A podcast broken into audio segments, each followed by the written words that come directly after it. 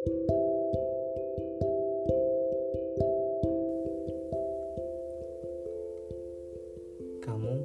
saya, dan mereka tahu kalau hidup sedang tidak baik-baik saja.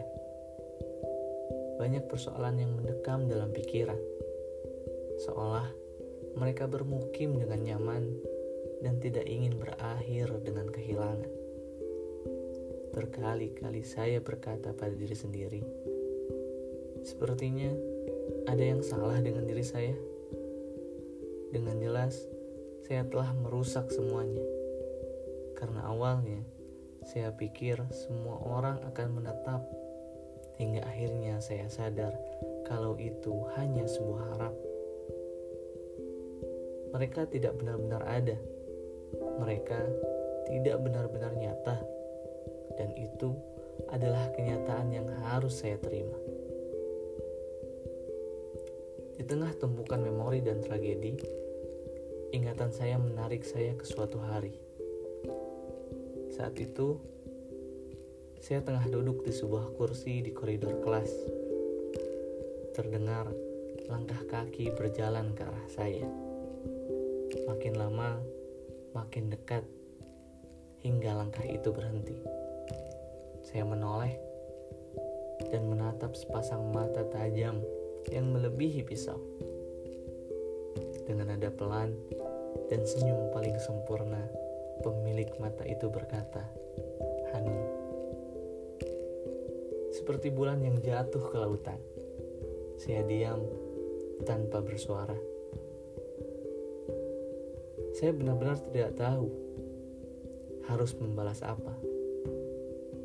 Belum saya mempersilahkan, Hanum sudah duduk di samping saya dengan senyuman sederhana senyuman yang mengundang kesunyian dan ketenangan. Seakan tenggorokan dipenuhi gumpalan awan, saya kehabisan kata-kata untuk membuka topik pembicaraan. Sudah saya yakini bahwa diri ini hanya seonggok daging bodoh yang mentah dan tidak layak dikonsumsi.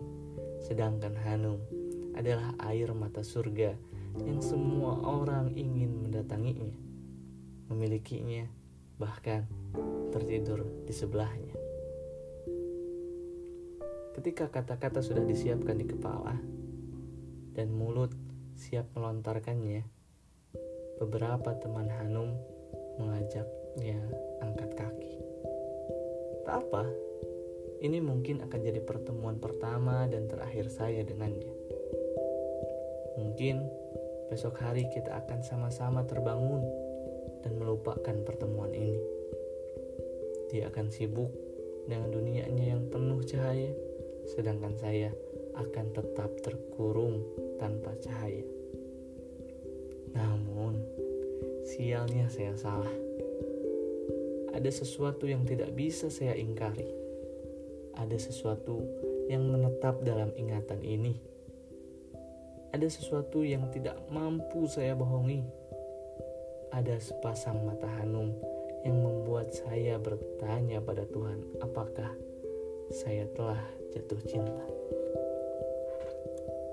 Dua minggu setelah pertemuan itu, semesta kembali mempertemukan saya dengannya. Kali ini ada yang berbeda.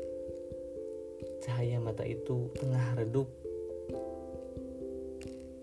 tanpa saya kehendaki, kaki ini melangkah, mendekati, dan bertanya apa yang terjadi. Tanpa menatap saya, ia berkata bahwa semua baik-baik saja. Setelah menghela nafas, saya membalas, "Bahkan Tuhan tahu kamu sedang tidak baik-baik saja." Mendadak ada letupan kecil di kepala ketika ia menyerang saya dengan tatapan matanya. Ada perasaan takut bahwa ucapan saya barusan menyinggungnya hingga saya berkata, "Maaf, saya tidak bermaksud." Pelukannya yang mendadak memotong ucapan saya dan membuat jantung saya berhenti sejenak. Lama saya terdiam, berusaha mencerna perasaan yang tidak karuan. Mendadak, tubuh ini kehilangan kekuatan. Pelukan Hanung tidak hanya memberikan kehangatan, tapi juga menepis keraguan. Tuhan, saya telah benar-benar jatuh cinta.